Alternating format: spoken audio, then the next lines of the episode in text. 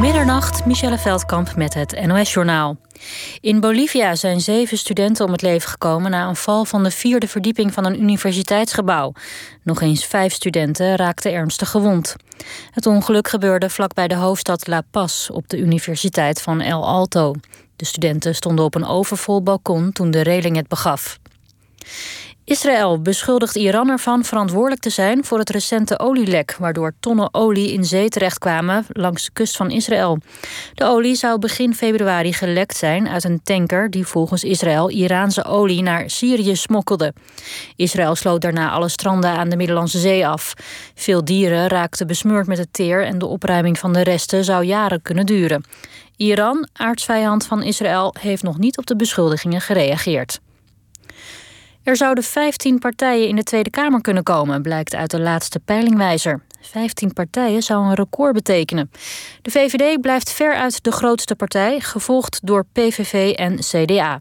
Nieuwe partijen die kans maken op zetels zijn Volt en Ja21. Brancheorganisatie in retail wil dat alle winkels weer volledig open kunnen. Het winkelen op afspraak werkt vooral voor de grote winkels niet, omdat er maar twee klanten per verdieping zijn toegestaan, met een maximum van 12 per uur. Daarom blijven de vestigingen van bijvoorbeeld IKEA en HM gesloten. Ajax staat in de finale van de KNVB-beker. De Amsterdammers wonnen de halve finale in en tegen Heerenveen met 3-0. In de finale op 18 april neemt Ajax het op tegen Vitesse. Die club versloeg gisteren al VVV Venlo met 2-0. Het weer. Vannacht valt vooral in het midden en zuiden wat regen. Daar kan wat Sahara-stof bij zitten. Het koelt af tot een graad of 4. Morgen blijft het in de zuidelijke helft van het land nog een tijdje nat. Op andere plaatsen af en toe zon. Het wordt maximaal 8 graden. Dit was het NOS Journaal. NPO Radio 1. VPRO. Meer slapen.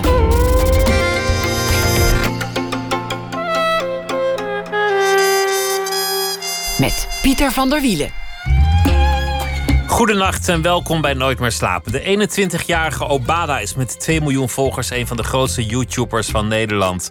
Hij laat zich graag filmen met zijn mooie BMW, klokje om de pols. Maar tegelijk heeft de uit Syrië gevluchte Obada problemen. Zijn ouders bijvoorbeeld. Die vinden zijn ge-YouTube maar helemaal niks. En Obada is verliefd op een meisje, maar zijn ouders moeten ook daar niks van weten. Er is een film gemaakt, Obada. 2 miljoen volgers maakt nog niet gelukkig. Een film van documentairemaker Sakit Kader, die tegenover mij zit. Komend weekend is hij te zien bij de VPRO op televisie en op het internet. En Sakir Kader maakte eerder voor de VPRO een indrukwekkende reisserie over Irak. De titel was De puinhopen van Irak en die titel bleek terecht gekozen. Daarvoor werkte hij ook voor de Volkskrant. Sakir Kader werd in Vlaardingen geboren. Een generatie daarvoor werd zijn vader in Palestina gerecruiteerd om daar in Vlaardingen in de margarinefabriek te komen werken. En Sakir Kader is van 1990. Welkom, leuk dat je er bent. Goedenavond, Pieter. Hoe, hoe, uh, hoe is het eigenlijk begonnen, het contact met, uh, met Oebada? Wanneer, wanneer kwam je hem tegen en, en, en, hoe heb je het voorgesteld om een film over hem te maken? Mm, de film op, ik ben zelf door de VPRO benaderd om een film over hem te maken. Het, het idee werd door twee meiden bij de VPRO neergelegd. Die zijn verhaal ergens hadden gelezen. Uh, en ik ben toen benaderd door een eindredacteur van de VPRO of ik als regisseur op dit project wilde werken. En um, ja, ik had er wel oren naar. Het paste wel heel erg in lijn in mijn ontwikkeling. En het verhaal om een langere tijd iemand te volgen, uh, dat, uh, dat, dat trok me wel heel erg aan. Ik, ik had nog nooit van hem gehoord, maar deze jongen heeft 2 miljoen volgers. Of misschien inmiddels wel, wel meer. 2,3 miljoen. 2,3 miljoen volgers. Ja. Maar hij, hij, hij vlogt niet in het Nederlands. Dus dat, dat gebeurt allemaal elders, dat volgen. Nee, al zijn volgers zijn, uh, zijn mensen uit de Arabische wereld. Hij maakt uh, geacteerde sketches over het alledaagse leven van een Arabisch gezin. En al zijn fans, ik denk 95% van zijn kijkers van zijn video's, leven in Syrië, Saudi-Arabië, Irak, Libanon, Palestina. Um, ja, en, en bijna niet in Europa. Ja, de Syriërs die in Europa zitten, die, die kijken dan zijn video's. Echt alleen maar mensen uit het Midden-Oosten. Dus hij is daar een beroemdheid, maar hij zit hier. Vrij vroeg in de film heb je al een vrij treffende scène dat hij een haringje eet bij een viskraam. En tegen de visboer een beetje opschept van ja, maar ik heb, uh, ik heb miljoenen volgers. Ja, dat die ik ben een grote jongen. ja, die daar dan heel raar van opkijken. Oh, echt? Gewoon bijna vol ongeloof. Eigenlijk vol ongeloof. Maar het is en waar. terecht ongeloof ook. Ja. Iedereen kan wel zeggen dat hij miljoenen volgers heeft. Ja, het is, het is wel schrijnend hoor. Eigenlijk zo groot in het buitenland, zo, zo onbekend in het binnenland. Was het voor jou makkelijk om, om nader tot hem te komen? Om, om voorbij alle bravoer te komen? Uh, het heeft een aantal weken gekost, maar uh, ja, het, het, lukte me wel uiteindelijk. Uh, ik denk dat dat ook komt omdat ik me heel erg kan meten met die jongen. En mezelf heel erg in Obada zie. Um, Wat herken je dan? Ja, die dromen die hij heeft, die had ik ooit ook. Ik wilde ook filmmaker worden. Ik wilde ook in de journalistiek komen. Maar ja, ik had niemand om me heen die me stimuleerde. Ik had niemand die me op weg kon helpen. En dat zie ik ook bij Obada. Heel erg zoekende, heel erg verlangen naar iets. Wat heel ver lijkt te zijn, maar tegelijkertijd ook dichtbij is. Want hij heeft al iets bereikt. Maar wil gewoon hier in Nederland. Uh, wilt hij aan zichzelf werken. En, uh, hij wil gezien worden. Ja, Obada houdt daar natuurlijk wel van. Maar uh, hij wil gewoon hier uh, in Nederland acteren. Hij wil hier gezien worden, wat jij zegt. En uh, voor hem, ja, die mogelijkheden zijn nog steeds schaars. Ik hoop na de film natuurlijk veel meer. Um, ja, en dat herken ik wel in Obade. Ik, het is niet dat ik per se gezien wilde worden, maar ik wilde gewoon films maken. En ja, ik, ik kon nooit een portfolio maken. Ik wist niet hoe dat moest. Uh, voor de filmacademie, dus ik werd nooit toegelaten. Is het dan zo dat je naast de portretteur, de filmmaker, eigenlijk ook een soort coach van hem bent geworden? Een vriend? Ik denk meer familie. Familie. Ik voelde me, ik voelde me, voelde me nog steeds een oudere broer voor Obada. De oudere broer die je zelf nooit had? Ja. En, uh, en hij zag mij ook als broer. En zijn vader zag mij weer als jongere broer. Dus als er problemen waren tussen vader en zoon, tussen Obada en zijn vader, dan klaagde Obada bij mij. En zijn vader belde mij weer. Dus uh, zo hadden ze ieder eigenlijk iemand om, zijn, om de hart bij te luchten. Je, je ziet een jongen die, die graag laat zien dat het goed met hem gaat. Met zijn, met zijn horloge, met zijn auto, met zijn volgers. Met zijn vrolijkheid, die, die grapjes maakt. Ja. Die, die verliefd is, wat je natuurlijk ook in een leuke staat brengt. Maar daarachter zie je ook een jongen die nou ja, problemen heeft in zijn leven. En die langzaamaan lijkt af te koersen op een confrontatie met zijn familie. Die misschien wel tot een enorme clash kan komen. Ja, dat is vaak het verhaal wat mensen alleen maar online zien, is het succes. Maar mensen kennen niet het backstage verhaal eigenlijk. En vooral voor uh, migrantengezinnen, die, vooral de mensen die gedwongen, uh, gedwongen zijn om hun thuisland te verlaten en dan hier in één keer opnieuw moesten wortelen, is dat een, een, een generatieconflict, maar ook een cultureel conflict. En dat speelt zich dan af in Angeren, tussen vader en zoon. Um, uh, ja, en al die, al die dingen die dan gebeuren, waar zijn volgers niks van weten. Ik zat daar steeds zo dicht op. En heel vaak gebeurden ook dingen terwijl ik dat net misliep. En op een gegeven moment was ik heel erg zoekende. Vaak mijn eindredacteur bellen van wat moet ik doen? Obade is weer weggelopen. En altijd steeds weer bedenken aan oplossingen. Op een gegeven moment dachten we zelfs van... oké, we moeten het hierbij laten. We doen het wel met het materiaal wat we hebben. Nee, we moeten doorgaan. Ik hou alsjeblieft nog vol. Het komt wel goed. Ik ga er gewoon veel dichter op zitten. En op een gegeven moment was ik in de laatste drie maanden... echt bijna non-stop met Obada. Dat, dat lijkt me zo moeilijk met dit soort documentaires. Het is bijna alsof je je eigen leven moet opgeven. Want je kan niet andermans leven volledig erbij nemen... en op elk cruciaal moment erbij zijn. Nee. Je, je, bent, je bent een heel eind gekomen. Althans, ik heb natuurlijk alleen maar de film in de uiteindelijke montage gezien. Maar in een aantal zeer cruciale momenten in het leven van Obada ben jij erbij. Ja. En, en dat kan alleen maar gebeuren door er ontzettend veel te zijn. Anders, anders zou het qua kansberekening onmogelijk zijn. Ik heb hele veel dagen met Obada doorgebracht. Heel veel dagen. Dus wel een beetje zijn leven erbij geleefd. Zeker, zeker. En heel veel met hem meegemaakt. Heel veel ook vaak dingen niet gefilmd. Omdat ik dacht, oké, okay, uh, dit is toch heel erg privé. En ik heb het vertrouwen gekregen, vertrouwen gewonnen van de familie en van Obada. En ik wil daar geen misbruik van maken. Ik bedoel, er zijn ook bepaalde dingen die hem kunnen schaden. Daar wil ik hem. Het is mijn plicht als regisseur om hem ook daarvoor te beschermen. Er was een moment dat hij echt op de vuist ging met zijn broer. En ik kon niet toekijken en gaan filmen. Dat is heel laf. Dat ging je te ver. Omdat ja, dan ga je er gewoon tussen staan. Come on guys, waar zijn jullie mee bezig man? Is veel spanning. De, de, de, vader is ook een, een intrigerend figuur, een charismatische man die ook filmpjes heeft gemaakt. Zo vader, zo zoon, toen hij toen die jonger was. En onder meer eh, de jonge Obada filmt als het een, een klein kindje is. Mhm. En, en dan vertelt op camera hoe gelukkig hij is met de geboorte van zijn zoon en wat zijn dromen zijn. En wat hij hoopt dat, dat Obada zal verwezenlijken. Wat hij toen nog niet wist, is dat hij zou moeten vluchten uit zijn land. Ja. En dat hij in een ander land zou komen waar hij zich niet helemaal kan aarden. En hij doet dat, zegt hij, voor zijn kinderen, omdat hij hoopt op een betere toekomst voor die zoon. Mhm. En toch treedt er een enorme verwijdering op tussen, tussen vader en zoon. Wat is daar eigenlijk het probleem? Waar- waarom lukt dat niet? Ik denk het, eh, eh, het grote verschil in verwachtingen van beide. Obada wil zijn dromen najagen en zijn vader wil vastigheid. Hij wil die tijd van onzekerheid achter zich laten. Hij had natuurlijk een heel leven opgebouwd in Syrië, eh, waarbij hij het gewoon goed had en boven modaal leefde. En was plotsklap alles kwijt: zijn huis, zijn auto's, zijn eh, restaurant. Eh, en dan kom je in één keer, word je in het diepe gegooid in, het, in een nieuwe samenleving in het Westen, waar het wel veilig is. En daar is hij ook heel dankbaar voor. Maar hij is alles kwijt waar hij jaren voor heeft gewerkt. En dan is de hoop gevestigd op zijn kinderen. Hij denkt dan, oké, mijn kinderen gaan studeren. Het klassieke plaatje eigenlijk van, oké, ze komen van de basisschool, middelbare school, universiteit. En dan hebben we een papiertje wat we dan in de woonkamer ophangen boven het bankstel. En dan wordt hij dokter of wordt- advocaat, in ieder geval iets Of degelijks. ondernemer, of hij werkt Ja. dan in een, in een winkel. Hij krijgt gewoon vast salaris. Ah, Obada is gewoon een jongen. Ja, ik denk net zoals heel veel jongens. Ik denk niet dat het per se te maken heeft met Midden-Oosten. Ik denk dat je genoeg Nederlandse kinderen ook hebt die opstandig zijn, die gewoon graag hun dromen willen najagen. En eh, dat is precies met Obada ook. Hij wil gewoon met zijn passie eigenlijk daar zijn, daar zijn werk van maken. Dus dat vluchtverhaal speelt eigenlijk in die zin in dat conflict niet zo'n grote rol. Nou, ik denk het wel, want die, die vader die, die heeft heel erg moeite met het aarde, aarde hier, omdat hij gewoon ontworteld is. Je moet me zo zien, als ik jou nu in één keer uit Nederland wegtrek en ga maar, ga maar radio maken in Noord-Korea voor Noord-Korea- Noord-Koreaanse televisie.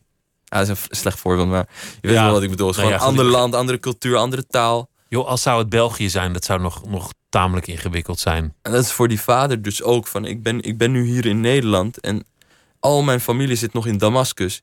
Soms zegt hij ook van, ja, ik had liever in een onveilige situatie gezeten met mijn geliefde om mij heen, dan dat ik veilig in het Nederland zit. Niet, niet op een ondankbare manier, maar het is toch wel wrang voor zo'n man dat hij gewoon in één keer eenzaam is. Dus wat dat betreft hebben Obada en zijn vader best wel veel gemeen. Hij moet kiezen tussen zijn liefde en zijn familie. Een onmogelijke keuze. En dat, dat wordt een dramatische ontwikkeling in deze film. Waar Ja. jij dan, dan bij bent. Je zei het, ik ben een soort oudere broer voor hem geworden. Dat, dat lijkt me ook moeilijk, omdat je tegelijk ook een vlieg op de muur moet zijn die alleen maar registreert. Op de momenten dat het er echt om spant, dan, dan moet je geen advies geven, maar moet je filmen. Nou, dat heb ik heel vaak genoeg ook gedaan hoor. Dat ik gewoon toekeek. Dat ik dacht, ja, het is ook wel fijn als ze gewoon Obada zijn eigen dingen oplost. Nu moet je het zelf even oplossen en ik Ja. film het wel. Ja, ik, ben, ik ben niet altijd een oudere broer. Ik ben ook regisseur. En ehm, ja, heel veel momenten ook gewoon echt toegekeken. Is altijd wel, ik weet niet, met, met zo'n naar gevoel van achter de camera. Je bent in de heat of the moment. Je twijfelt, wat moet ik doen? Oké, laat hem maar gewoon. Ik, ik hoor nu niks te doen. Ik ben ook tenslotte iemand die registreert. En ehm, ja, als het echt te heftig werd, deed ik de camera wel uit. Er zit een scène in die heel heftig is als de moeder zegt: Als jij niet voor ons kiest, als jij doorgaat op dit pad, vergeet er maar dat je ooit een moeder had. En als iemand ooit vraagt waar je moeder is, zeg maar dat ze dood is. Ja. Want je zult mij nooit meer zien, want ik wil je niet meer als zoon. Als je nu doorgaat met deze relatie met dat meisje. Dat is keihard, dat is meedogenloos. Ja, dat is omdat die moeder zich bedrogen voelt door haar zoon. Van je, kies, je verkiest dus iemand anders eh, boven mij. Van ik ben dus niet jouw moeder, ik ben dus niet belangrijk. Zoek het dan maar uit. Begreep jij dat? Kon je dat begrijpen? Ja, nou ja, ik weet niet. Ik begrijp de ouders, ik begrijp Obada ook hartstikke goed. Hij is gewoon jong, verliefd. Ik begrijp Obada ook wel. En En eh, ergens die ouders ook wel. Maar dat je, dat je de ultieme... de Arabieren zijn gewoon veel intenser, man. Waar, waar ligt het aan? Wat is dat? Ja, Middellandse zeeklimaat, denk ik. Dat is, dat is het temperament. Ja, zeker. Ik is bedoel, iets bij ons is altijd, is altijd, ja, ik weet niet, ruzies in families zijn bijna Bollywood-films.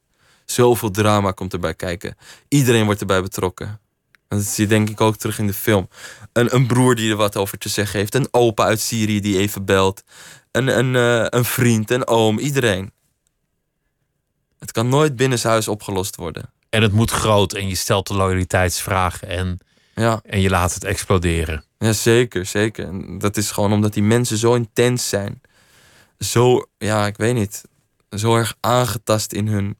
Niet eer, maar zo erg aangetast in hun, eh, in hun persoonlijke... Ja, in hun persoonlijke sfeer door een eigen kind die hun dan eigenlijk buitenspel zet voor iemand anders. Het gaat over trots ook. Ja, heel erg die trots ook. Van hoe dan? Hoe durf je je ouders te bedriegen voor iemand anders? Wij zijn je ouders. We hebben het laatste woord. Maar ja, Heb jij zulke conflicten gehad thuis? mm, nee, niet per se eerlijk gezegd. Maar ik ben, je, zei net dat mijn vader... Mijn opa kwam hier naartoe. Het was je in, in opa. de jaren zestig, ja. Een generatie De eerder. derde alweer. generatie inmiddels. Jezus, het gaat En- ook hard. Ja, en eh, ik denk dat we bij ons hele andere... eh, hele, ja, dus jouw vader was al jong toen, toen, toen hij hier kwam. Ja, hij was een jaar of vijf, zes. Ik heb vaak conflicten gehad omdat ik heel druk was op de basisschool. En dat, dat ik er wel eens uit werd gestuurd, concentratieproblemen had. Dus omdat ik gewoon een hele vrijdenker was. Ik, had altijd, ik was een creatieveling. En, en dat had altijd wel invloed op mijn moeder, die, die, die ook die slagingsdrang had van... Ja, maar hier dadelijk komt er niks van je. Een leraar zei ooit tegen mijn moeder van... Ja, er gaat niks van jouw zoon komen. En dat was in groep 6. En dat heeft me jarenlang achtervolgd. Die zei tegen mijn moeder: Ja, geef het maar op. Jouw zoon wordt niets meer dan timmerman. Met alle respect voor timmermannen natuurlijk. Prachtig beroep. Maar eigenlijk gewoon dat ik een nietsnut ben. En dat heeft mijn moeder jarenlang gedacht: van mijn zoon is mislukt. Het is klaar. Het wordt nooit wat met hem. Nee. Hoe En, kan het eh, eigenlijk dat wel wat is geworden? Ik bleef, ik- ja, ik weet niet. Ik wilde me heel erg bewijzen om die leraar ook het tegendeel te bewijzen. Van ja, hoe dan? Je zei dat, het, dat ik een nietsnut zou worden. Maar het motiveerde jou juist, ja, die zeker. afwijzing. En ook als mijn moeder zei, ja, leraren klagen over je dat je druk bent en dat soort dingen. Ja, hoe dan? Laat me toch lekker kind zijn, man. Ik kan toch niet al die druk zo hoog leggen bij een kind van 12? Speelde, speelde Palestina een grote rol in jouw jeugd? Kwamen jullie daar vaak? Zeker, zeker. Vaak bij familie. Weet nog goed ehm, dat, ik, eh, dat ik ook mede door Palestina gewoon beïnvloed ben geraakt in de journalistiek. Doordat ik dat, ik dat wilde. Omdat ik zeg maar daar van alles zag wat ik bijvoorbeeld hier op tv niet terugzag. En, en dat wilde ik ook graag allemaal laten zien hier naar, aan de mensen. En eh, ja, die familie, ik weet niet, die, die saamhorigheid, wat die vader van Obada vertelt in die film over dat zomerhuisje, 50 mensen, dat, dat gevoel ken ik ook heel erg. Iedereen bij elkaar, ooms, tantes, barbecue op het dak. En dat zijn gelukkige herinneringen. Het prachtige herinneringen. Eh tuurlijk heb ik ook veel minder herinneringen aan Palestina. En, eh, maar ja, ook heel veel mooie herinneringen. En die ontneemt niemand me meer. Maar het was ook een conflictgebied. Dus je, dus je ging eigenlijk dan op vakantie naar een conflictgebied. Ja, ik, ik weet nog dat ik soms dagen, gewoon dagenlang gewoon voor het raam stond in de nacht. Omdat dan Israëlische jeeps in onze wijk kwamen. En ik met mijn neefje, die ook uit Nederland komt, dan voor het raam gekluisterd waren van we willen dit zien. Of dat we dan die invallen in de, het Balata refugee camp van afstand volgden vanaf het dak. Dat we een Apache zagen vliegen over, over Nablus of die F-16's. Weet niet, dat, dat, was, dat, dat, dat laat me nooit meer los. Wat voor nog- indruk maakte dat op jou? Wat, wat, wat deed dat? ja, ik wist toen nog niet go- goed echt wat daar aan de hand was. Ik keek natuurlijk wel Al Jazeera heel veel. En ik zag natuurlijk vaak die oorlogen op Gaza 2008, 2009, 12, 14. Ehm, ja, ik weet niet. Het, ja, het- iedere keer alsof er gewoon een, een, een sneetje in je hart wordt gezet. Dat je zo ziet wat er in je thuisland gebeurt. Thuisland, ja, Palestina is mijn thuisland. Nederland ook. Ik ben in beide werelden opgegroeid.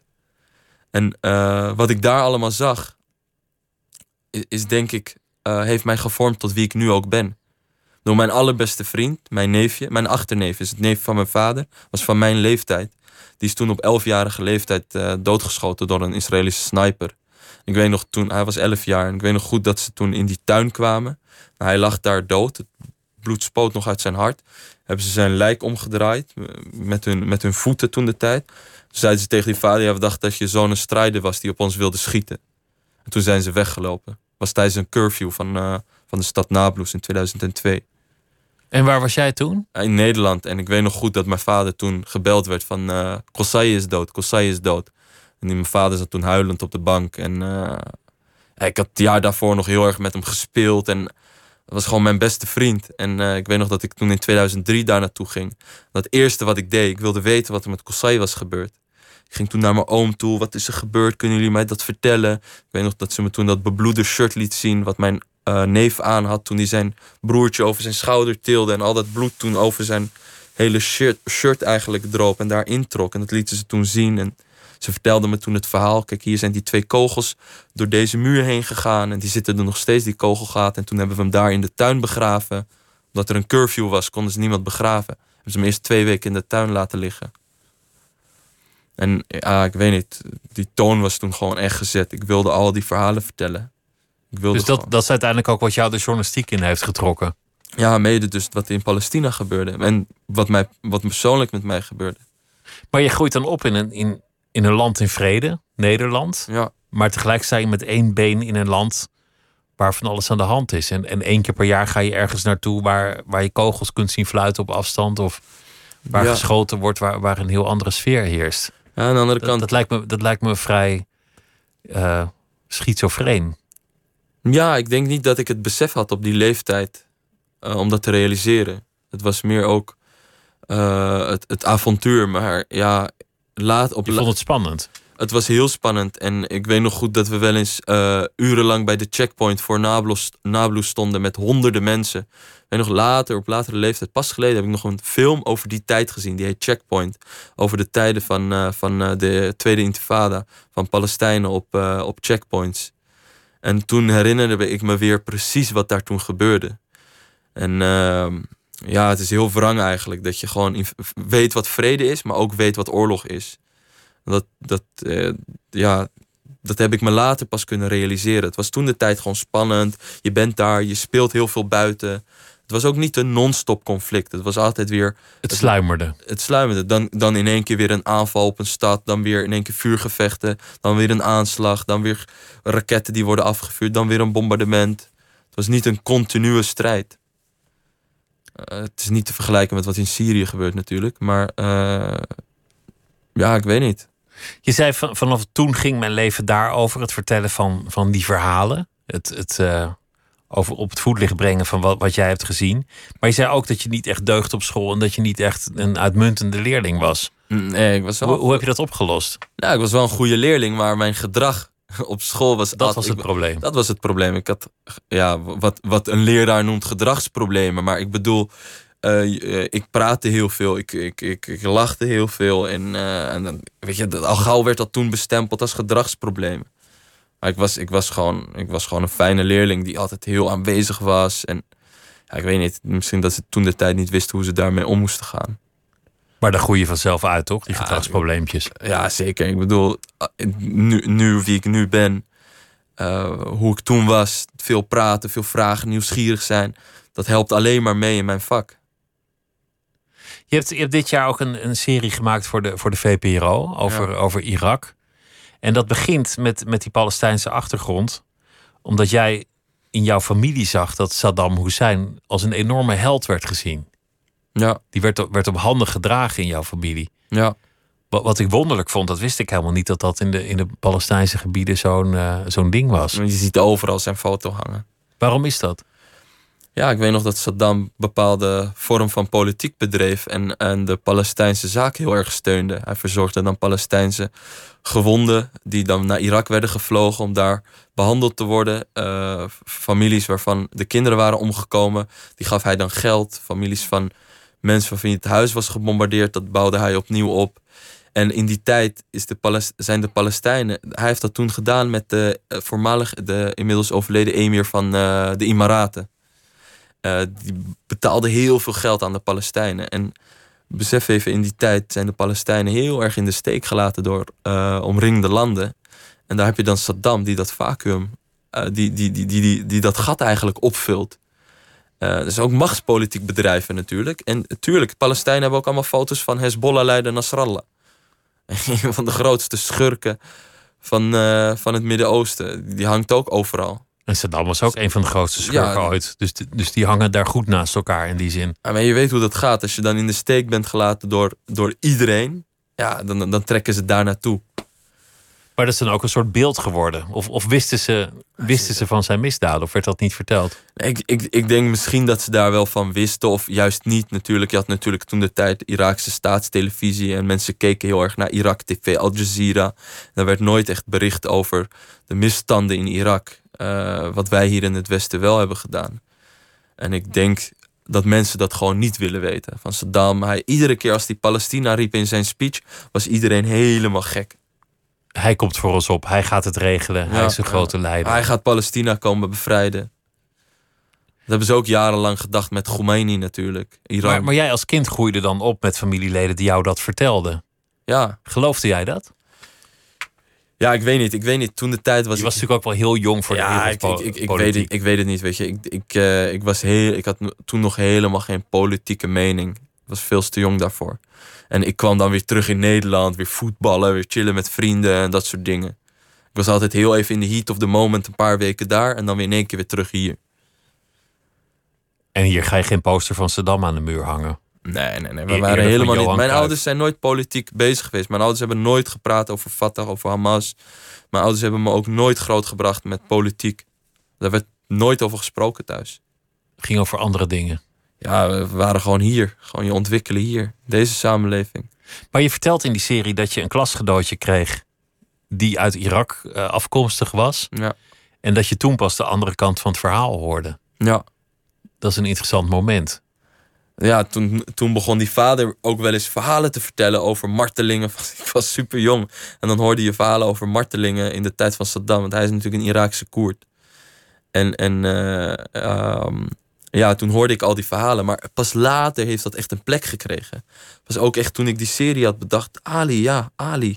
En alles wat die vader vertelde. En ik, ik, ik, ik zou nooit meer die vader vergeten. Hoe, hoe getekend die man was. Want die vertelde waarom hij gevlucht was en wat hij had ja. meegemaakt daar. En uh, toen, toen ik die serie ging maken, had ik hem gevraagd: zou je dan mee willen werken? Want ik heb je eigenlijk nooit gevraagd naar hetgeen wat je hebt meegemaakt. Ik heb het wel meegekregen, ik heb het gehoord, maar nooit echt met jou in gesprek over geweest. Je gaat naar dat land en je ziet dan aanhangers van, van Saddam nog steeds. Slachtoffers van Saddam. Maar het gaat ook heel erg over die hele geschiedenis daar, daarna. Alles wat er gebeurd is met dat land, dat totaal mm verscheurd is, wat, wat ontploft is. Je noemt het terecht de puinhopen van Irak. Nou, dat, dat is geen woord te veel gezegd. Hm. Het, het valt mij op dat, dat jij volgens mij heel veel dialecten Arabisch in ieder geval verstaat, maar ook spreekt. Dat je, dat je heel makkelijk met iedereen in gesprek kunt. Ja, dat komt omdat, ja, door mijn werk denk ik gewoon. En dat, dat heb je jezelf aangeleerd. Ja, door, ja, ik heb op een gegeven moment heel veel Syrië gecoverd voor de Volkskrant. Heel veel met Syriërs gepraat. En in Irak ook op een gegeven moment. Die, die, die, uh, die stap naar het Iraakse dialect is wel makkelijk gemaakt als Palestijn. Omdat wij ook. Uh, we hebben natuurlijk het, het, het, het nette Palestijnse dialect, het Boerse dialect. Uh, en het Iraakse dialect zit weer heel tegen, het Bedouinen-Jordaanse dialect. Het is, het is toch een Levant, Levantijns dialect. Dus Syrië, Libanon, Palestina en deel Irak is toch allemaal hetzelfde. En uh, ja, die mensen daar in die gebieden verstaan elkaar ook het best. Het gaat niet alleen over het dialect. Het lukt jou in die serie om, om contact te krijgen met al die partijen terwijl ze elkaar daar het leven staan. iedereen staat jou naar, naar het zich laat aanzien vriendelijk te woord mm. en is vrij open voor jouw camera. Ik denk dat dat gewoon journalistieke kwaliteiten ook zijn. En, uh, en ik als regisseur, dat ik oprecht geïnteresseerd ben in het verhaal en echt, uh, echt er moeite voor doe. En altijd door mijn open houding die ik opstel naar die mensen toe, door mijn uh, achtergrond, door, door, mijn, uh, door de taal die ik spreek, de emotionele taal. Van, we begrijpen elkaar echt op emotioneel vlak. Dat dat me altijd heel dicht bij de mensen brengt. Ik bedoel, ik, ik, ik, um, ik, kan, ik kan altijd wel heel dicht bij mensen komen door gewoon gesprekken te voeren, die interesse die ik toon in ze. Uh, ja, en, en, ik ga er ook voor. Ik, ik, neem, ik neem niet echt genoegen met ja, nee. En ik probeer dan altijd met mensen in gesprek te gaan van waarom het wel belangrijk is om het verhaal te vertellen. Mensen hebben altijd een bepaald beeld over media natuurlijk. Van ja, maar de media dit, media dat. Ja, maar ik probeer gewoon een echt verhaal te vertellen. En ik doe daar echt mijn best voor. Ik ben van ver gekomen. En uh, ja, ik bedoel, wie, wie, kan dat anders beter vertellen dan ik? Ja, tuurlijk, er zijn nog heel veel goede journalisten. Niet dat ik nu uniek ben of iets. Ehm, maar ja, ik, ik probeer wel altijd op zoek te gaan naar het alternatieve verhaal. Naar een andere, anders, andere soort verhaal. Dan, dan, uh, dan het meest average wat je altijd ziet. Wat je in dit geval ziet is eigenlijk een, een, een land dat zoveel trauma's heeft. Dat, dat ik niet denk dat die verscheuring en die roep om wraak op de anderen ooit zal ophouden. Ik, ik, ik zie in deze serie eigenlijk niet een oplossing. Nee, en als je nu kijkt. Voor dit land. Die serie is van vorig jaar. Uh, en eh, in Irak is het daarna gewoon alleen maar slechter gegaan. Die, die protesten natuurlijk. In Zuid-Irak, in Bagdad. En nu ook steeds weer die uh, bombardementen op, uh, op de Green Zone. de strikes op Erbil. de dood van Soleimani toen de tijd de proxies die eigenlijk vechten tegen de Amerikanen. Tegenstanders van, van, van Iran die verdwijnen. Ik bedoel, met, met, met de dood van Saddam en het afzetten van Saddam is Irak niet bevrijd van een dictatuur. Er zijn nu duizenden Saddams opgestaan. Duizenden mensen die eigenlijk die positie wel willen innemen. Ja. En dat had je toen al met Maliki natuurlijk, Nouri al-Maliki. Dat was het begin van IS, toen er allemaal, op, toen er allemaal protesten uitbraken in Irak. In de Anbar-provincie, uh, Fallujah en in, uh, in, uh, in Mosul-provincie.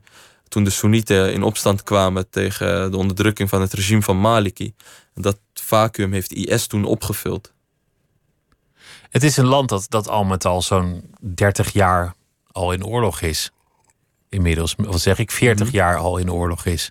Met af en toe een kleine tussenpauze. Maar... opstanden in de jaren 50 al, joh. De koning werd afgezet, werd neergeknald. Je interviewt een man op het kerkhof die, die als beroep heeft om, om de graven te onderhouden. Die zegt op een zeker ogenblik: Ik eet geen tomatensoep meer en ik lust geen vlees meer. Tomatensoep doet me denken aan bloed. Ja. Vlees doet me denken aan alle lijken die ik heb gezien. En dan op een zeker ogenblik wendt hij de blik af en zegt: Film me maar niet meer. Het lukt niet meer. En dan, dan weet je dat de tranen over zijn wangen gaan lopen. Dat, dat vond ik een mooie scène, omdat die man gewoon ernstig getraumatiseerd is. Dat zie je ook in zijn ogen. Gewoon een blik van de dood. Die man heeft zoveel gezien. En ik bedoel, dat soort verhalen die neem ik voor altijd mee en die blijven me achtervolgen. En daar put ik ook kracht uit en motivatie om dat soort verhalen juist te blijven vertellen. Ik hoop op een, ja, kijk, tuurlijk, je hoopt natuurlijk op een dag niet meer die ellende te hoeven vastleggen in je eigen regio. Want ik ben natuurlijk Palestijns, Nederlands. Maar ik voel me ook Iraaks, Syrisch, Libanees, Jemeniet. Uh, ik ben kind van die regio en ik wil gewoon de verhalen van mijn mensen vertellen vanuit hun perspectief. Je voelt je ook persoonlijk betrokken in die zin. Het gaat ook een beetje over jou of je voelt je deel van. Ja, ik ben natuurlijk, ik ben Arabier en al die mensen zijn ook Arabieren. Het is één identiteit die je deelt. En uh, wat ik altijd jammer vind, uh, is dat wij hier in Nederland, we hebben natuurlijk hele goede journalisten. En uh, echt niet om uh, mijn collega's in discrediet te brengen, maar ik vind het heel jammer dat er één journalist een paar honderd miljoen Arabieren vertegenwoordigt. Dat bijvoorbeeld een Nederlandse krant dan één iemand daar heeft. Voor en de hele regio. Ik ben Arabier en, en voor mij is het al complex. Maar hoe kan het dan als iemand die niet Arab Arabisch is, die dan uh, gewoon uit Nederland komt en daar dan in één keer de, de regio moet verslaan voor uh, Nederlandse media. Uh, ik, vind dat, ik vind dat best wel raar eigenlijk. Ze hebben waarschijnlijk ook één iemand voor Zuid-Amerika en één iemand voor Noord-Amerika. Ja, ik, ik, vind, ik, vind dat, ik, vind, ik, vind eigen, ik, vind, ik vind dat veel, veel te weinig. En Al Jazeera heeft waarschijnlijk één iemand voor Noord-Europa. Ja, dat weet ik niet eerlijk gezegd. Maar ik bedoel. Nou, ga er maar vanuit. Als je kijkt naar de meeste Middle East desks van, uh, van alle. Van de, van, ja, dan noem je ook wel grote namen op. Maar zelfs kranten. Die hebben meerdere mensen daar in de regio. Omdat het gewoon zo complex is. Uh, ik zou dat ook wel willen zien. Dat misschien de Nederlandse media zich verenigen. En eigenlijk één bureau openen daar. En ja, iedereen natuurlijk zijn eigen dingen doet. Maar dat je uh, bijna een coalitie vormt aan journalisten. Want het is gewoon veel te complex daar. Ik ik, ik ja, het is veel te complex daar om iedereen te begrijpen. En ben, je het gaan begrijpen? Ben je het beter gaan begrijpen? Zeker wel, maar dat komt omdat ik daar ook geworteld ben. Uh, op, op jonge leeftijd heb ik daar dingen gezien, meegemaakt die nu uh, allemaal een plek krijgen. Wat voor dingen zijn dat? Wat, wat is dat begrip wat je dan hebt gekweekt? het onrecht wat we al jaren meemaken. En als je kijkt naar uh, films die je dan ziet op Netflix en uh, gewoon Hollywoodfilms, hoe wij dan in het Midden-Oosten allemaal worden geportretteerd als een stel haatbaarden die zich dan à la Homeland in van die gekke winkelstraten dan zichzelf opblazen en als een stel cowboys, zandbakmensen worden neergezet. Maar dat zijn wij niet. Ik bedoel, bij ons heb je ook universiteiten, bij ons heb je ook heel veel slimme mensen. Uh, ik bedoel, ja, repressie maakt mensen kapot, repressie maakt landen kapot. En um, ik, heb, ik ben ook gaan begrijpen dat de repressie niet alleen van. Bijvoorbeeld Amerika werd heel lang verweten, bijvoorbeeld Irak. Maar repressie komt ook van onze eigen mensen. Die dictatoren die in stand worden gehouden, ook mede door, uh, door het Westen natuurlijk. En de vergaande corruptie. En de mensen die denken dat ze beter worden van het steunen van, van de regimes. En, en alle facties die elkaar naar het leven staan. die we dan hier hebben, al die feel-good initiatieven. Ja, we laten we daar even 50 miljoen naartoe sturen. Dan komt het wel goed. En, maar ja, zoveel geld verdwijnt in zakken van, uh, van, uh, van corrupte ministers. En uh, wat blijft ervan over? Het is allemaal zelfverrijking en het volk blijft honger, honger lijden eigenlijk. Als één ding Irak ten onder heeft geholpen, dan zal het wel de corruptie zijn, denk ik. Ja, ooit zei een vriend tegen mij van Irak uh, uh, staat in een top 3. Een beste prestatie. We hadden de top 3 van corruptste landen ter wereld. Toch nog iets bereikt? Ja, het is een, een, beetje een slecht grapje, maar het is toch wel wrang. Ik, ik merk dat, dat het je opwint en dat je ook een soort bewustzijn hebt van wij Arabieren. Dat, dat zeg je voor wie net inschakelt. Zakir Kader is er. Hij heeft een, uh, een film gemaakt over een uh, YouTuber, Obada, voor de VPRO. En hij heeft uh, eerder een serie gemaakt over Irak. En daarvoor voor de Volkskrant gewerkt. Je, je bent op een aantal momenten in je carrière belemmerd in je werk. omdat je ja, als verdacht werd gezien. Beetje ja. met je uiterlijk. Je, je hebt een volle baard, zwart haar. Dan, dan heb je een Palestijnse achternaam. En, en je, bent, je bent een keer in Griekenland opgepakt. Je bent in Turkije ben je op een soort terroristenlijst gezet. Ja. Wat waren dat voor, voor incidenten? Wat gebeurde daar? Ik weet nog in, in uh, 2000, 2017 volgens mij. Ja, ik werkte toen voor Brandpunt. Aan een reportage over vluchtelingen die, uh, ja, die Europa inkwamen. En ik was die groep aan het volgen. En toen ben ik met die groep samen opgepakt. Zijn we in een... Iedereen werd opgepakt? Ja. Um, uh, en toen ben ik in een uh, veewagen met al die vluchtelingen. Zijn we naar een gevangenis afgevoerd, politiebureau. En uh, toen werden we daar uitgekleed. En um, op een gegeven moment werd ik apart genomen. En toen, toen zeiden ze tegen mij: ja, Jij bent de smokkelaar van de groep. Nee, jij, bent ja, jij was de mensensmokkelaar. Ja, en die camera van jou, dat is een vermomming. Waarom dachten ze dat? Dat weet ik niet. dat weet ik echt niet. En op een gegeven moment werd ik van mensensmokkelaar werd ik in één keer een IS-strijder, terrorist. Die nacht is ook de geheime dienst gekomen. Het is een of andere gast die zeven talen vloeiend sprak. Waaronder Arabisch, Turks, Grieks, Engels. En uh, die heeft me toen uh, ja, een paar uur ondervraagd. Oh, echt van die rare vragen, weet je. En, hoe ging dat dan? Ja, van hoe denk jij over IS? Hoe vaak bid jij per dag? Ben je praktiserend moslim? Uh, en, toen die volgende dag ben ik, uh, toen ben ik weer terug naar mijn cel gestuurd. Het was een heel gesprek met hem. Hij wilde gewoon heel erg weten hoe ik dacht. Toen uh, ben ik voorgeleid en ben ik in eerste instantie veroordeeld tot 3,5 jaar. En, en toen is dat teruggebracht naar een half jaar. Maar ik heb wel een veroordeling aan mijn broek. En, Want je hoefde die straf niet uit te zitten. Nee, in Griekenland, als je onder de, als je onder de twee jaar een uh, veroordeling hebt, hoef je, hoef je dat niet. niet uh, maar, maar je, je hebt toch, neem ik aan, als je daarheen gaat, een perskaart. En, en ik een had soort... alles. Ik had Nederlands paspoort, brandpunt perskaart, NVA perskaart, internationale perskaart. Ze zeiden allemaal dat is fake. Dat is fake. Werd allemaal je bent niet van IS. Je bent terrorist. Je hebt een bomgordel om. Boom. En, en de, de redactie kon je niet helpen daarin? Nou, ik weet nog, ze hebben me ondersteund waar nodig. Maar op een gegeven moment was het zo van ja uh, ik, ik, ik, had een proces en uh, um, ja, zo is dat toen gegaan.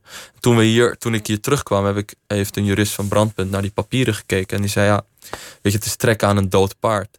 En ik, ik had wel graag echt gewild dat de Nederlandse overheid me daarin zou steunen. Dat hebben ze niet gedaan?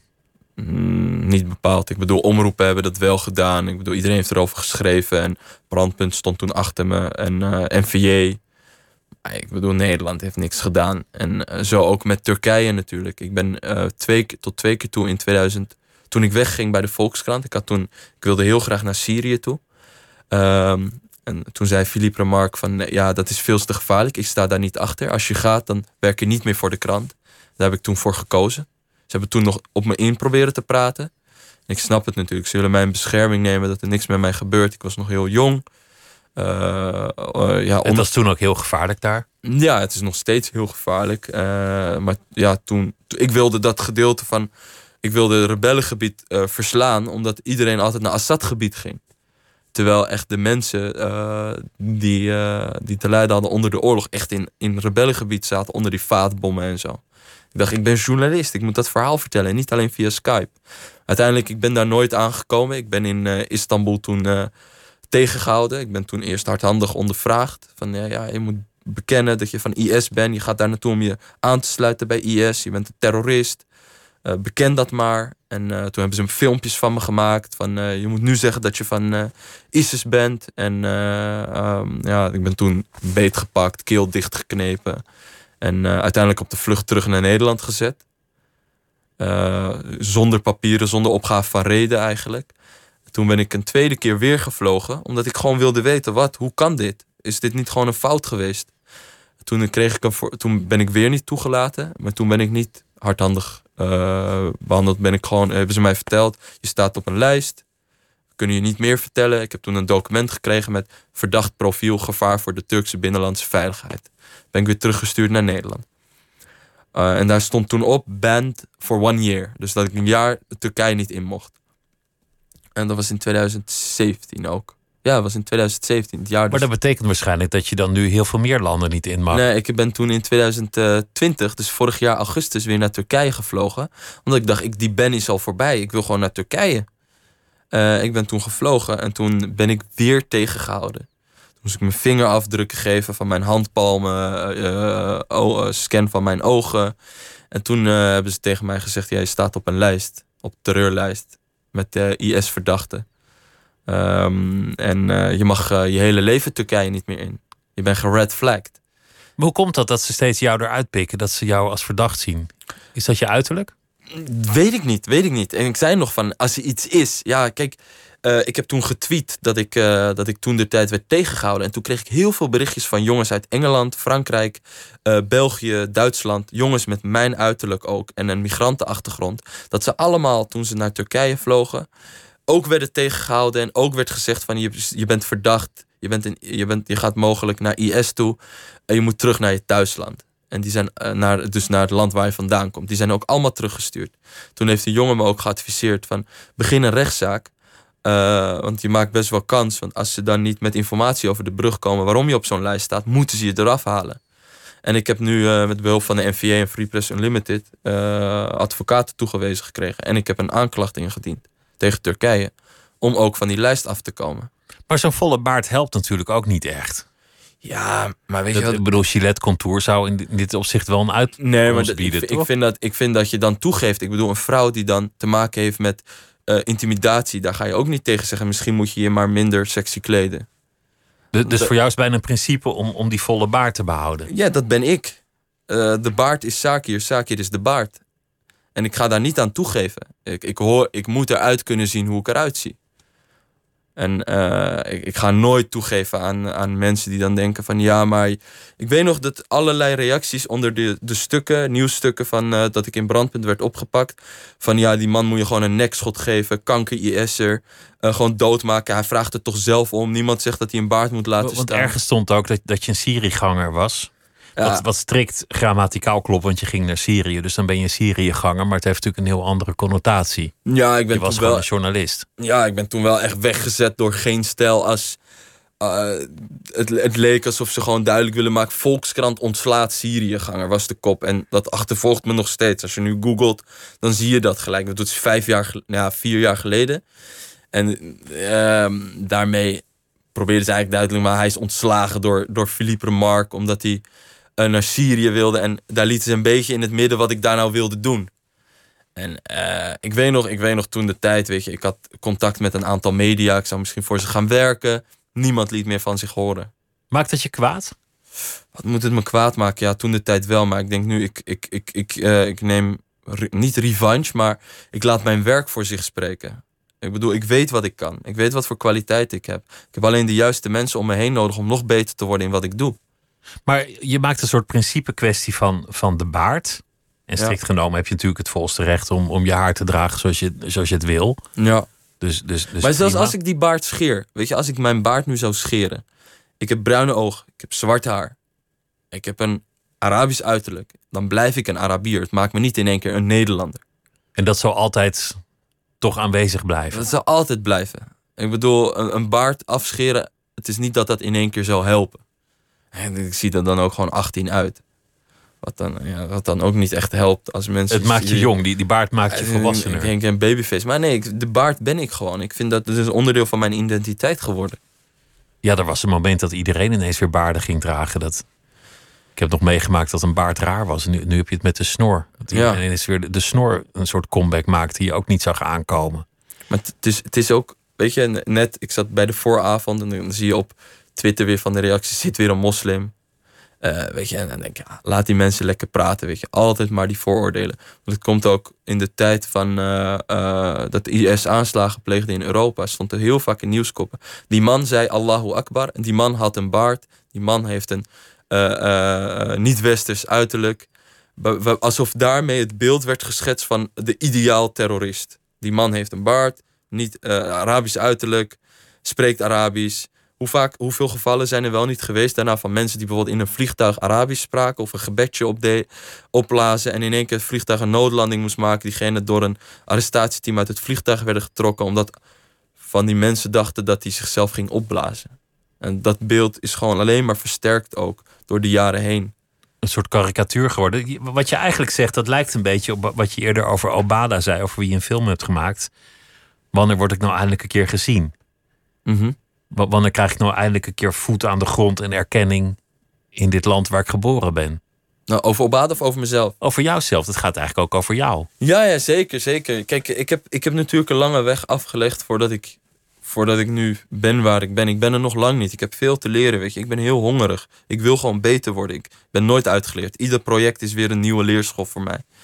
Eh, maar ik bedoel, ik heb uiteindelijk alles, al die kansen natuurlijk, eh, zelf gecreëerd, zelf aangegrepen. En altijd mensen... eh, kijk, Jannie Groen was de eerste die eigenlijk dacht van... Ja, kom, weet je... Van de Volkskrant. Van de Volkskrant. Zij zei toen tegen mij van... en er zat een interview met mij in 2014. Ik was toen, ik was toen, ik zat toen op school voor journalistiek. En ik ben toen gewoon naar Noord-Syrië gegaan. Turkije, Noord-Syrië. Ben toen teruggekomen, heb de Volkskrant gebeld. Hey guys, ik heb een verhaal. Toen zei Alex, als het goed is, tegen Alex Burghoorn tegen mij van... eh, ja, wij nemen niks aan van freelancers, weet je. Want ja, daarmee stimuleer je ook mensen om risico's te gaan nemen. Dus dat begrijp ik. Toen dacht ik, oké, pech, weet je. En toen belde door Jannie mij van... Ja, ik wil jou interviewen. Ik dacht, oké, is goed, leuk. Krijg ik aandacht. En toen tijdens het interview met Jannie zei ik... Maar Jannie, ik wil eigenlijk niet het verhaal zijn. Ik wil verhalen maken. Toen is ze gaan praten. En toen mocht ik bij de Volkskrant één maand meelopen, stage. En dat werd al snel verlengd. En toen ging ik daar werken. Toen op een gegeven moment, na een paar jaar... Ja, wilde ik ook meer. Ik wilde verder. En eh, ja, uiteindelijk na Brandpunt, de NOS. Ik weet nog bij de NOS, ik had eh, een eh, eindredacteur Carina. En die zei tegen mij, ja, ik denk dat je hier een gekooide tijger zult zijn. Omdat ik meer wil. Ik wil niet daar op een desk zitten. Ik wil de wereld in. Ik wil ontdekken. En inderdaad, ze had gelijk. Nog geen En, en bij de Volkskrant vonden ze je moeilijk aan te sturen. En bij de NOS vonden ze je een gekooide tijger. Ja, Je, had een enorme drang om uit te vliegen, om de wereld in te gaan. Eigenlijk ook een soort ongedurigheid van... Laat me nou. Ja, ik weet wat ik kan. Ik weet wat voor kwaliteit ik heb. Ik denk, ik laat mijn werk spreken. Ik, ben, ik was eh 24 jaar. Ik werd genomineerd voor een tegel voor mijn serie over mensensmokkelaars. Ik bedoel, volgens mij internationaal ben ik de eerste en ook de enige die zo'n die de vluchtelingencrisis op zo'n manier heeft verslagen. Echt vanuit de smokkelaars zelf.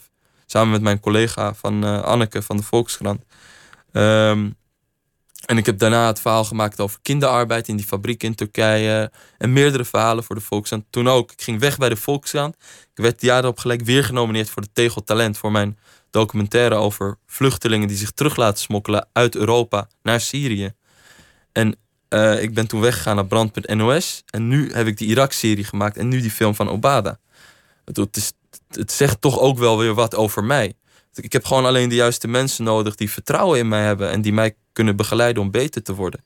En maar het gaat toch heel goed? Je hebt een tv-serie gemaakt, ben... nu een documentaire. Je, hebt toch niet te klagen? Zou ik nee, nee, nu niet. Zeker niet. Ik bedoel, het, het begon allemaal toen ik uh, op een gegeven moment wegging bij de NOS. Omdat ik uh, met Vice aan het praten was. En uh, Stefan toen de tijd, Tieleman, die geloofde heel erg in mij. Die dacht, ja, deze, deze, deze guy is wel lijp, weet je. Hij heeft, ja, hij heeft wel een neusje voor goede verhalen.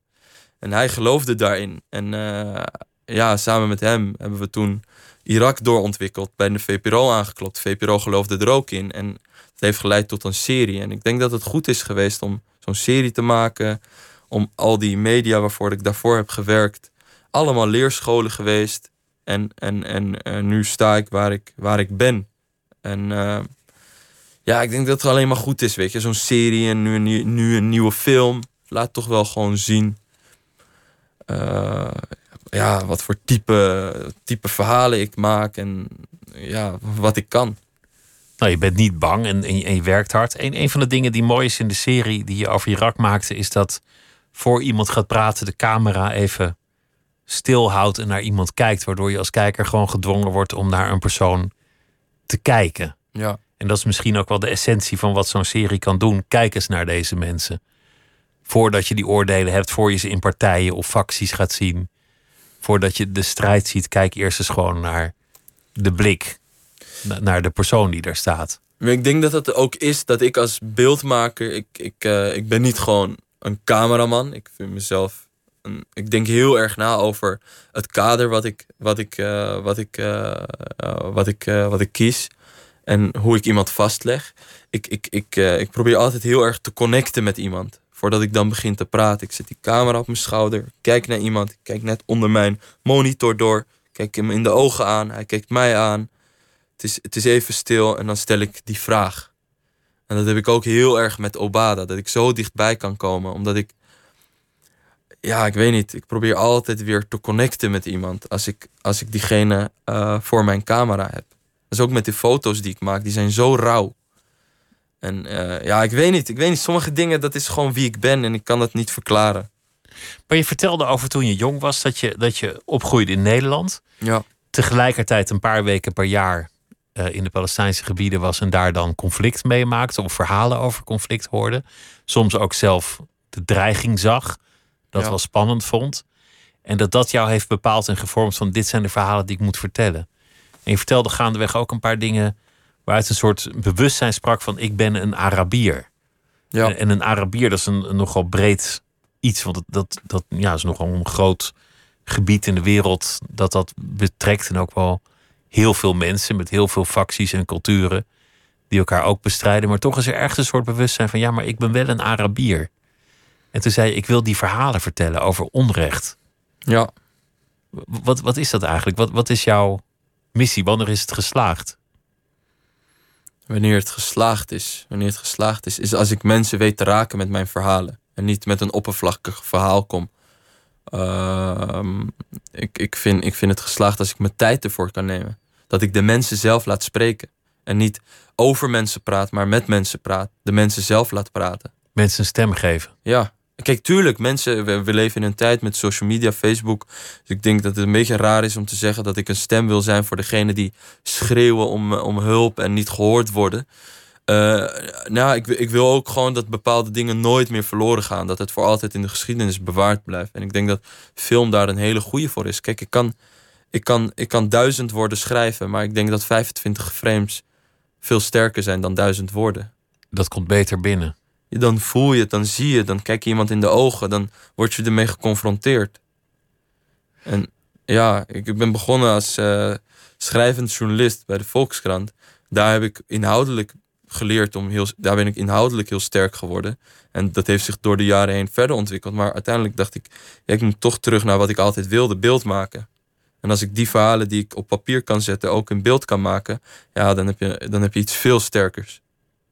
Want we, we, begonnen over, over die film Obada, die, die je nu gemaakt hebt. Dat gaat over een, een, een jongen waarvan de ouders uh, niet zo lang geleden uit Syrië naar Nederland zijn gekomen. Mhm. en, en wat voor scheuring er kan ontstaan in zo'n, in zo'n gezin. Ik, ik zei in de inleiding dat het je vader was, maar het was zelfs al je opa die naar Nederland is gehaald om, om in, in de fabriek te werken. Margarine, geloof ik. Ja. Hoe is het eigenlijk met je vader? Is, is jouw vader volledig hier geaard? Ja, mijn vader is zo plat Rotterdams. Gewoon echt een kaaskop. Zo praat hij ook. Als, als die, nee, als, mijn, mijn vader is natuurlijk een Arabier. Als, als, als, als we het hebben over. Hij is heel koppig, echt een Arabier. Heel erg van principes. Als ik te laat kom, ik weet nog een keer wel een etentje in Palestina bij familie en ik kwam toen te laat. Toen is hij zo boos op me geworden. Uh, en, en dan houdt hij daar ook gewoon aan vast. Dat is zo Arabisch. Dat hij dat gewoon zo'n klein dingetje zo groot maakt. Ik dacht laat komen ook wel een beetje iets Arabisch was. Ja, ik weet niet. Dat is een beetje omdat wij altijd zo'n inshallah factor hebben. Van oké, kom maar tussen, tussen het middaggebed en het laatste gebed. En dat is geen tijd. Dat is gewoon een tijdspan van een paar uur. We en zien daartussenin, wel. we zien wel. Het komt wel goed. En dat is die samenleving daar ook. Dat is wel relaxed eigenlijk. En hier kan dat niet. Maar mijn vader, die praat die zo plat Rotterdams.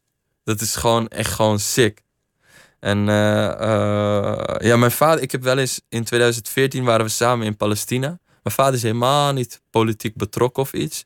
Hij heeft ook geen Palestijns paspoort. Vliegt altijd op Tel Aviv omdat hij dat veel makkelijker vindt dan vernederd te worden op de grens. En ik heb daar altijd een heftige discussie met hem over. Ik zeg, pa, nee man, neem gewoon je Palestijns paspoort. Dadelijk ben je gewoon een illegaal in eigen land. Mijn opa is jarenlang illegaal geweest in Palestina. Die heeft toen nee, 1994 tot 2009 volgens mij gewacht op zijn Palestijnse paspoort. Terwijl hij daar is geboren.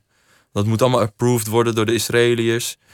En ik heb altijd heftige discussies met mijn vader daarover. Van, eh, ah man, kom op, gewoon. Vlieg gewoon naar Amman en gewoon de grens over. Geen stress.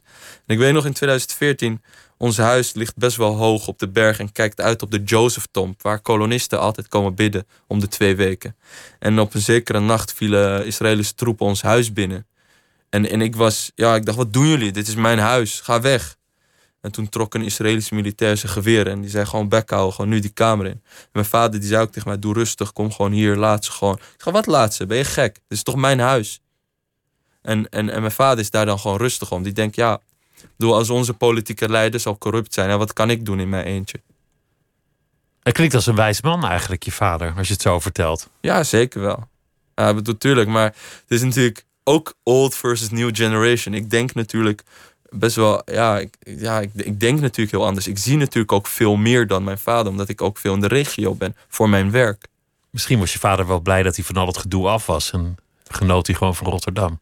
Ja, nee, maar mijn vader die, die, die vindt Palestina heel fijn. Die, het is altijd, als ik, ik wil echt nog een, een film over mijn vader maken. Het is, het is echt altijd voor hem thuiskomen daar. Het is net gewoon een klein kind in een pretpark als hij daar terug is bij zijn familie. Hij geniet echt. En ik vind dat altijd wel heel mooi om te zien. Ik was de laatste keer met mijn vader in 2019 in Palestina.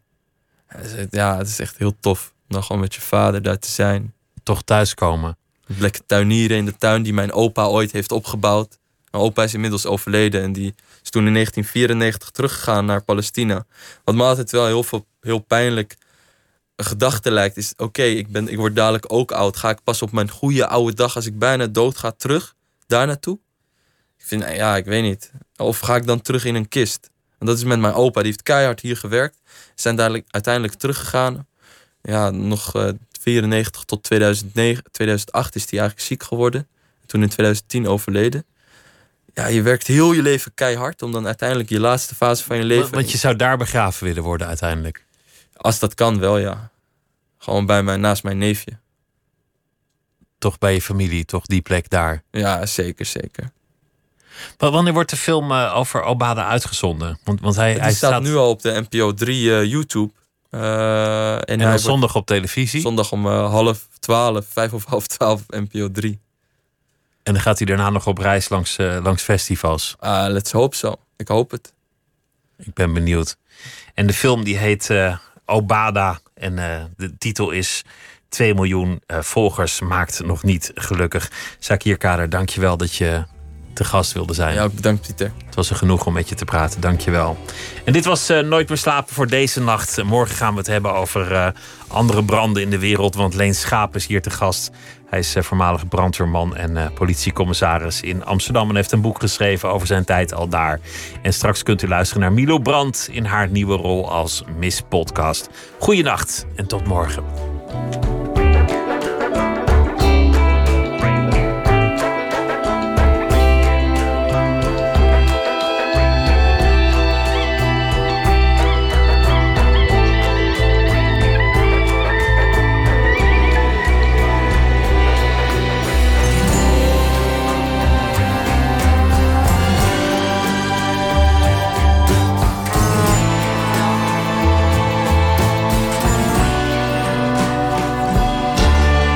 Radio 1. Het nieuws van alle kanten.